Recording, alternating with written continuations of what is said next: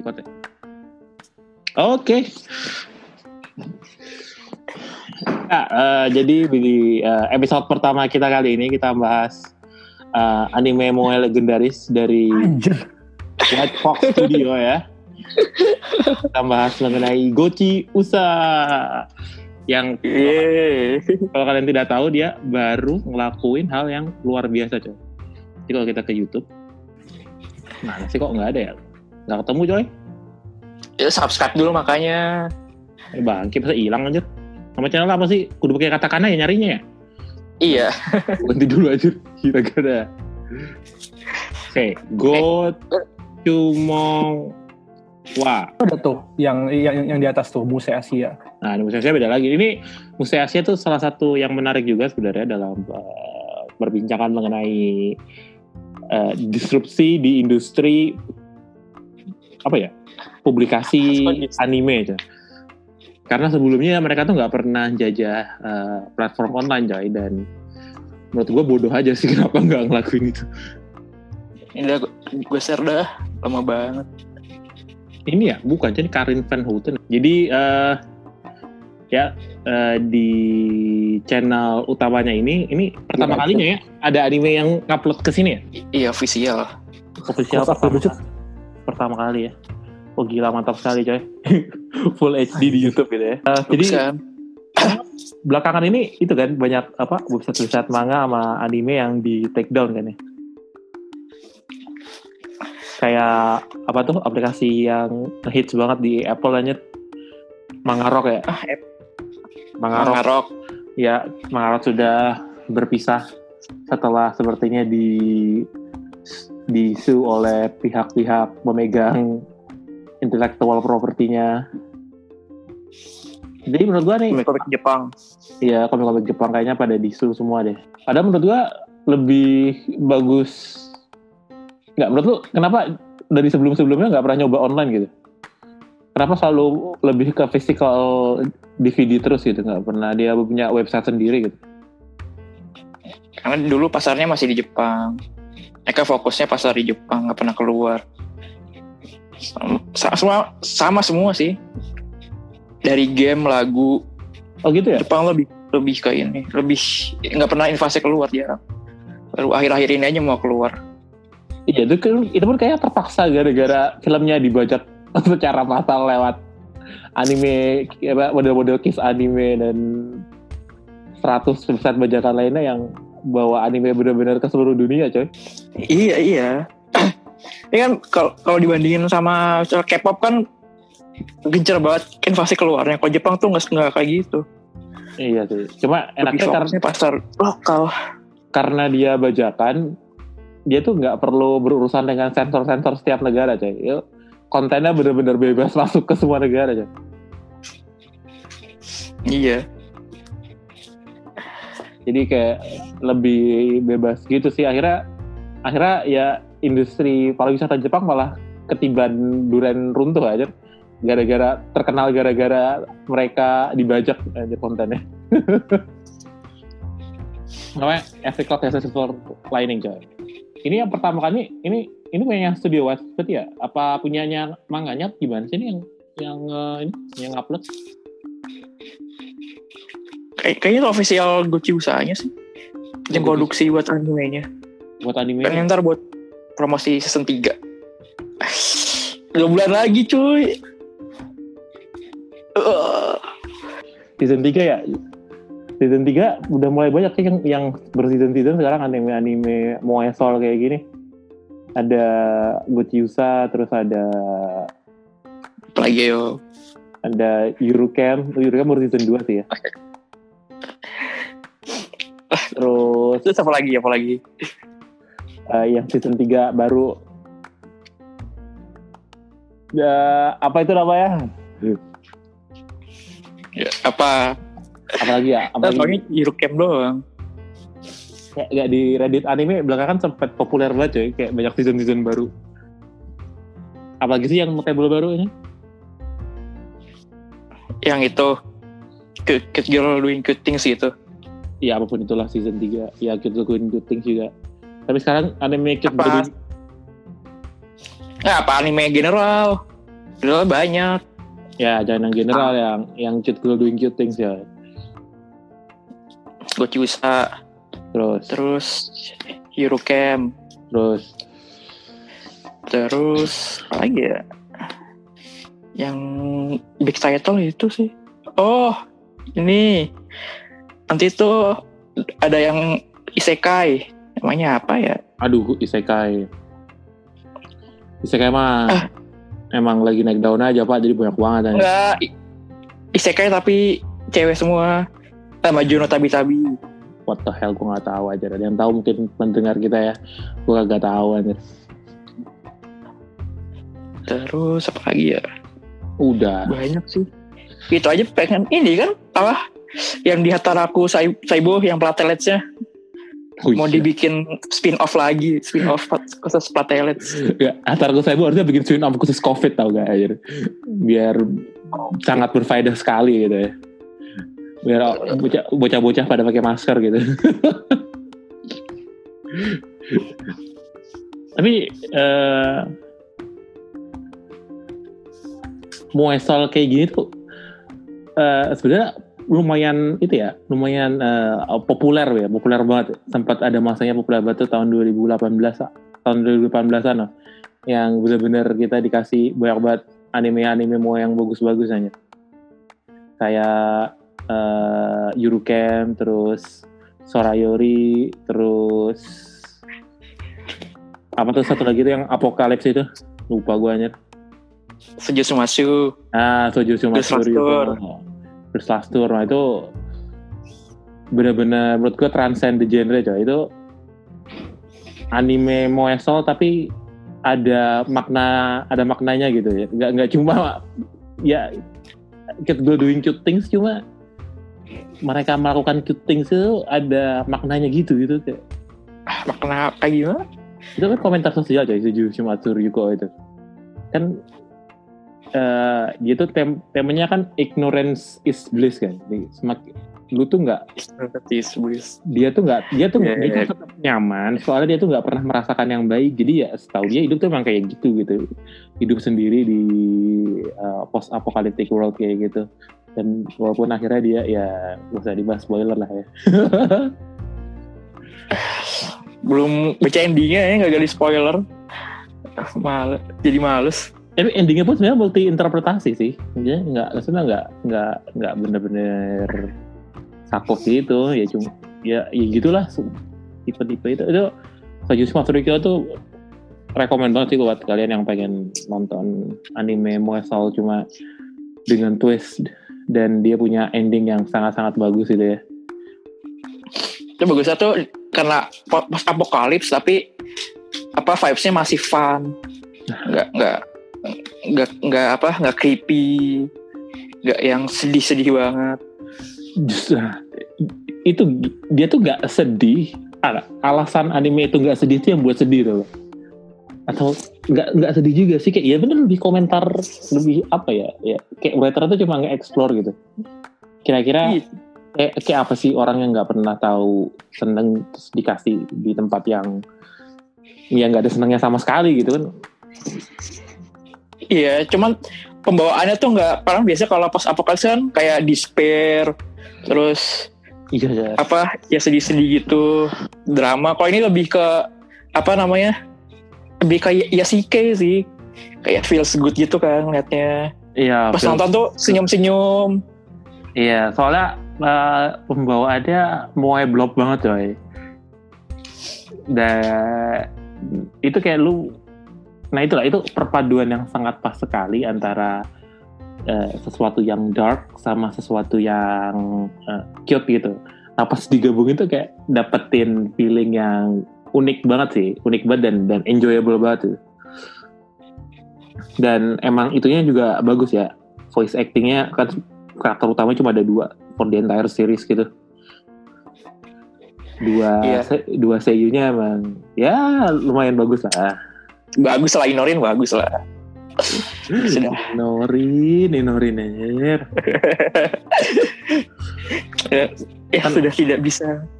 ya dia featuring Kana Hanazawa as uh, itu ya, sebagai kucing sosis aja King sosis. selama tiga episode cuma cuma karena Hanazawa dibayar sama tiga episode cuma ngasih sound effect sound effect ah, moe doang aja oh gila emang. Tapi itu atmosfernya kalau lu pernah main Nier Automata tuh suasananya mirip banget ya itu Nah ini yang nggak setuju nih gue. kayak gimana Di Automata tuh lebih creepy.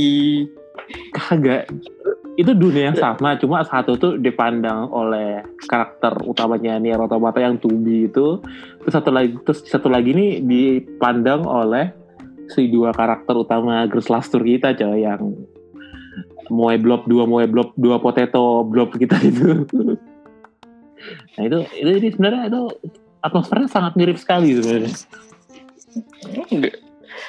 Nanti dari aja dah. Kalau ini Automata tuh BGM-nya bikin apa merinding, terus kayak agak serius. Nah, kalau apa SS, SSR itu BGM-nya lebih ke lebih ke fun. Kayak apa yang lagu hujan tuh.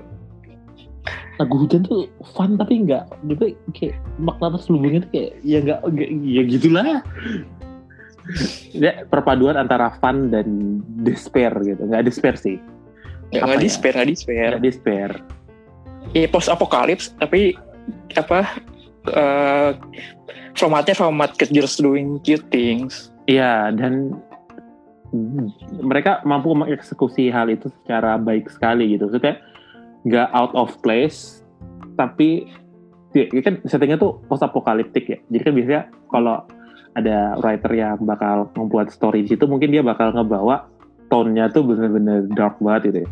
Dark terus penuh perjuangan gitu. Kayak misalnya apa Ah, iya, iya. kayak The Last of Us, Walking Dead terus apalagi itu kayak Train to Busan gitu. Kan kayak bener-bener penuh tragedi dan segala macam gitu tapi di satu sisi dia nambahin elemen moe elemen moe lah. Itu moe banget itu anime.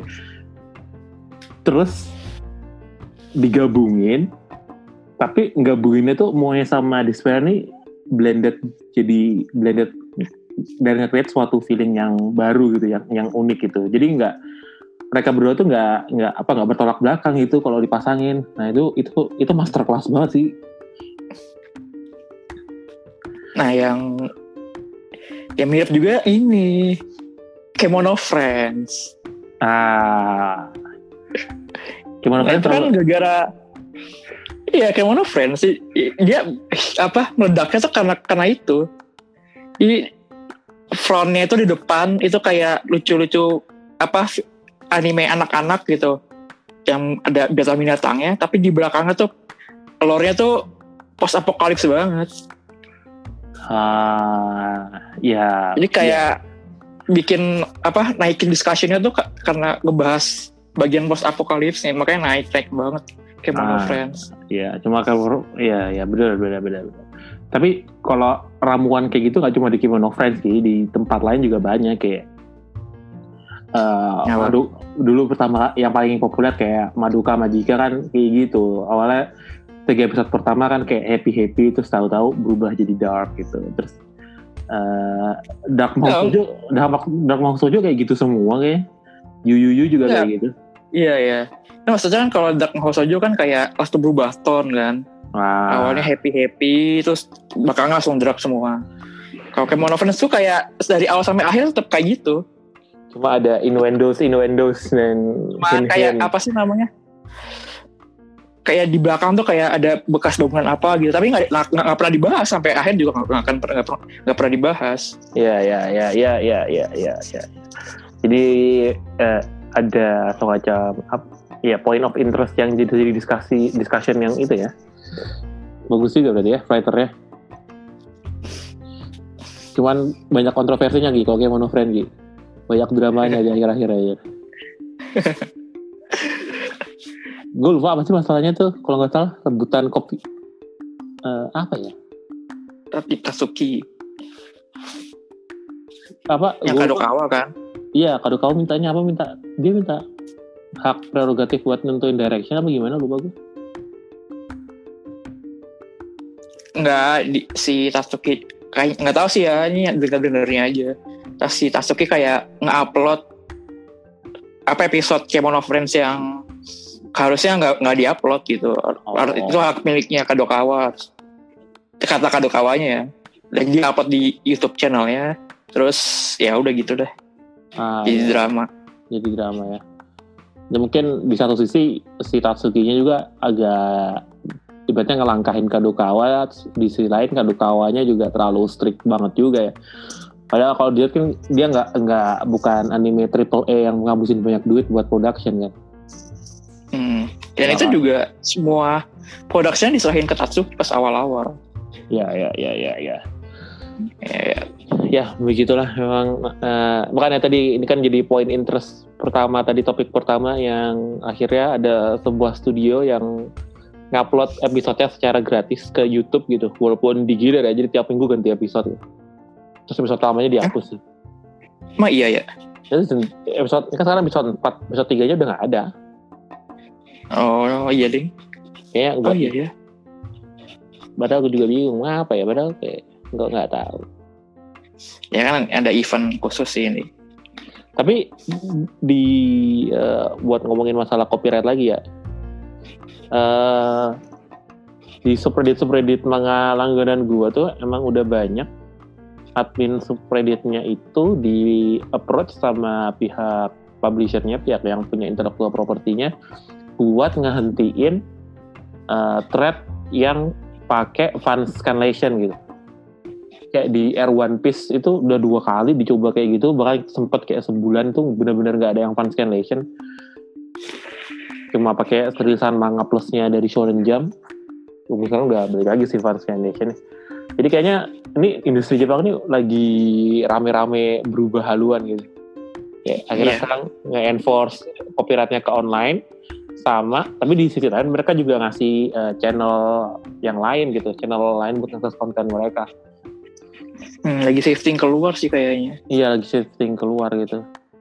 di Netflix saja kan jadi makin banyak kerjasama sama Ya, pihak Jepang buat bikin anime iya. Wah, ya walaupun sampai sekarang belum ada yang ngehits banget ya. Paling yang itu A, Ah, Whis- iya belum A Whisker Away namanya. Itu sempat populer beberapa di beberapa itu belakangan. Cuma not my taste jadi nggak gue tonton.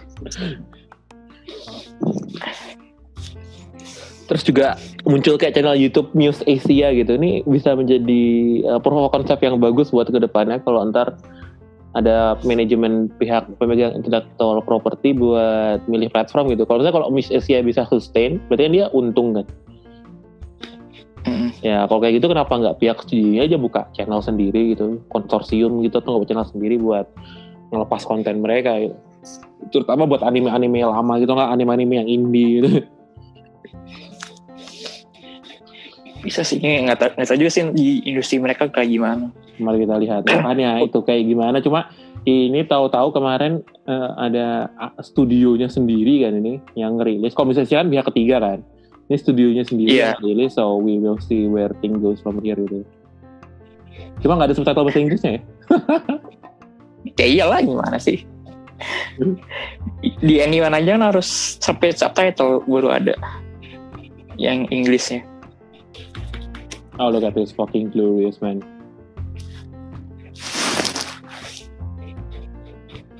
Wah, kita ngomongin anime mau lagi. Gucci satu kayak Kemono Friend gak Ki?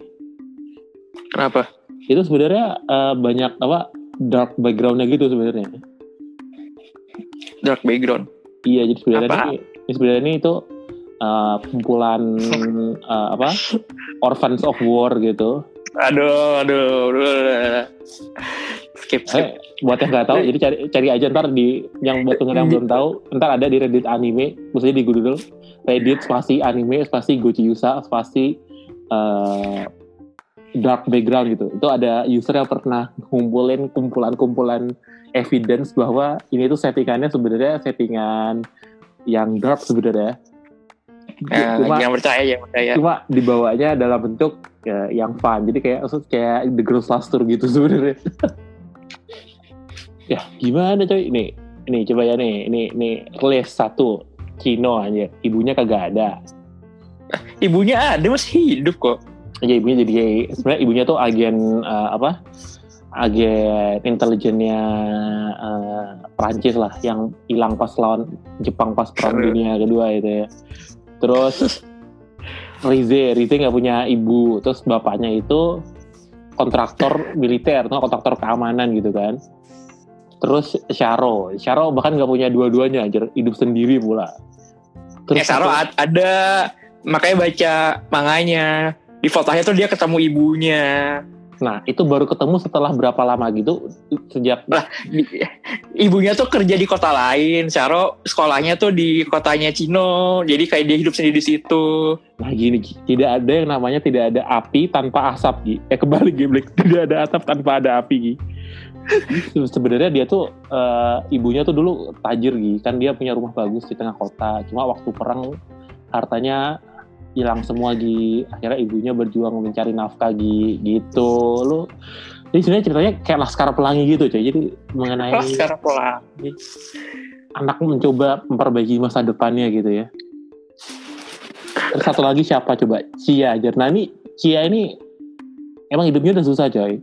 Ini ibaratnya lu kayak dulu orang Belanda hidup di Indonesia pas zaman perang kemerdekaan gitu coy.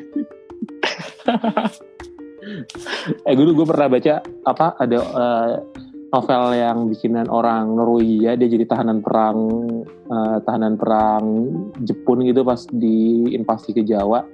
Terus dia ceritanya pas akhirnya pas udah bebas bisa kabur yang dari apa prisoner war, war prisoner campnya dia balik ke rumahnya terus lagi ya udah lagi perang kemerdekaan kan lagi lagi rame-ramenya merdeka.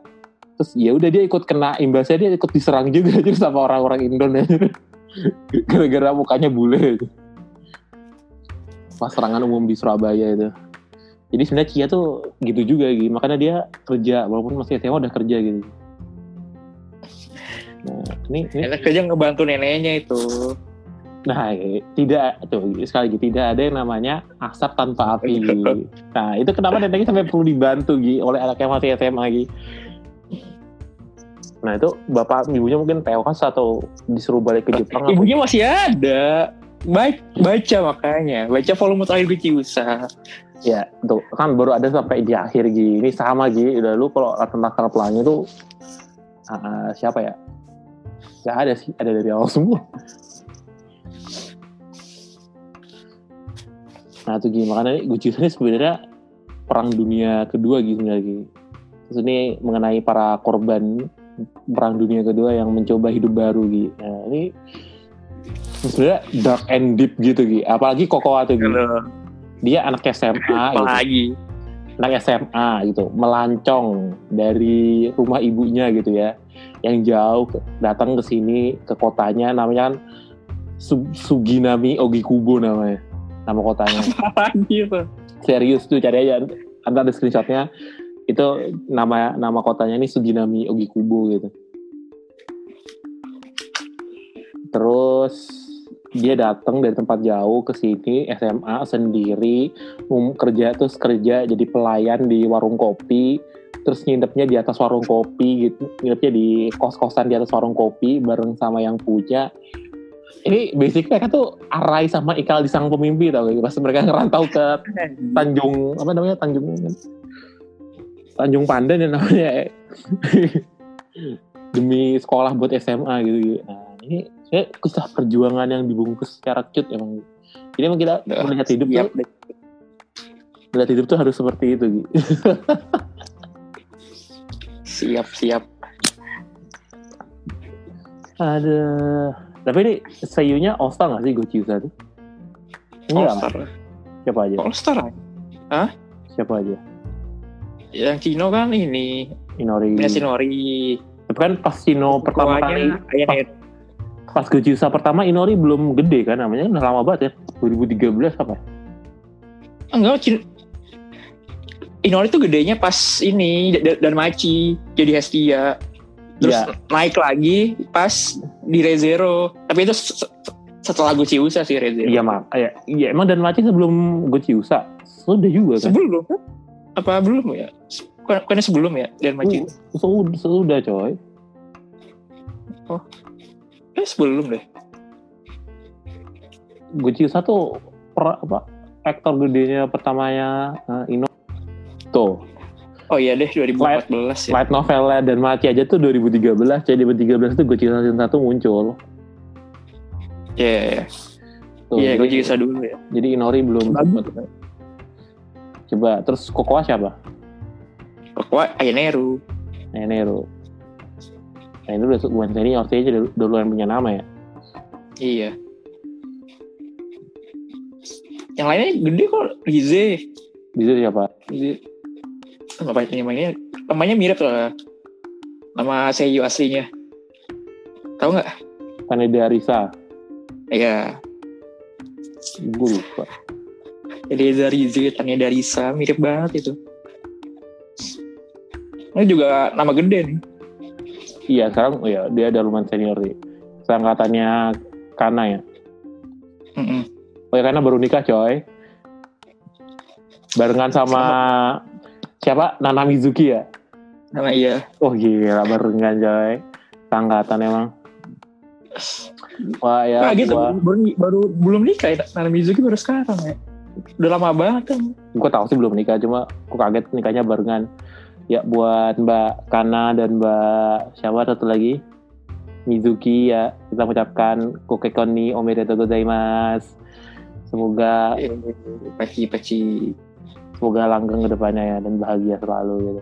Oh, udah udah udah emang, tapi emang dulunya udah senior banget ya karena sama Nana Mizuki. Orang gue inget Inori itu apa ngidol si Nana Mizuki kan terus pas Iya. pas ada recordingnya dia eh, Nangis. si Nana Mizuki-nya ngasih itu ngasih ucapan selamat gara-gara Inori itu apa ya debut album ya kalau nggak salah ya Hmm. debut album kayak Inori ya seneng banget gitu Makanya tuh gue, gue seneng banget tuh yang di apa gue juga apa nama Sing For You ya yang OVA-nya nyanyi bareng sama Oh. Nana Mizuki. Wah gila tapi Nana Mizuki ngasih VA-nya ibunya Cino lagi. oh iya deh lupa gue oh iya Bikino itu kayak Nana Mizuki ya Nana Mizuki. Wah, gila best banget dah.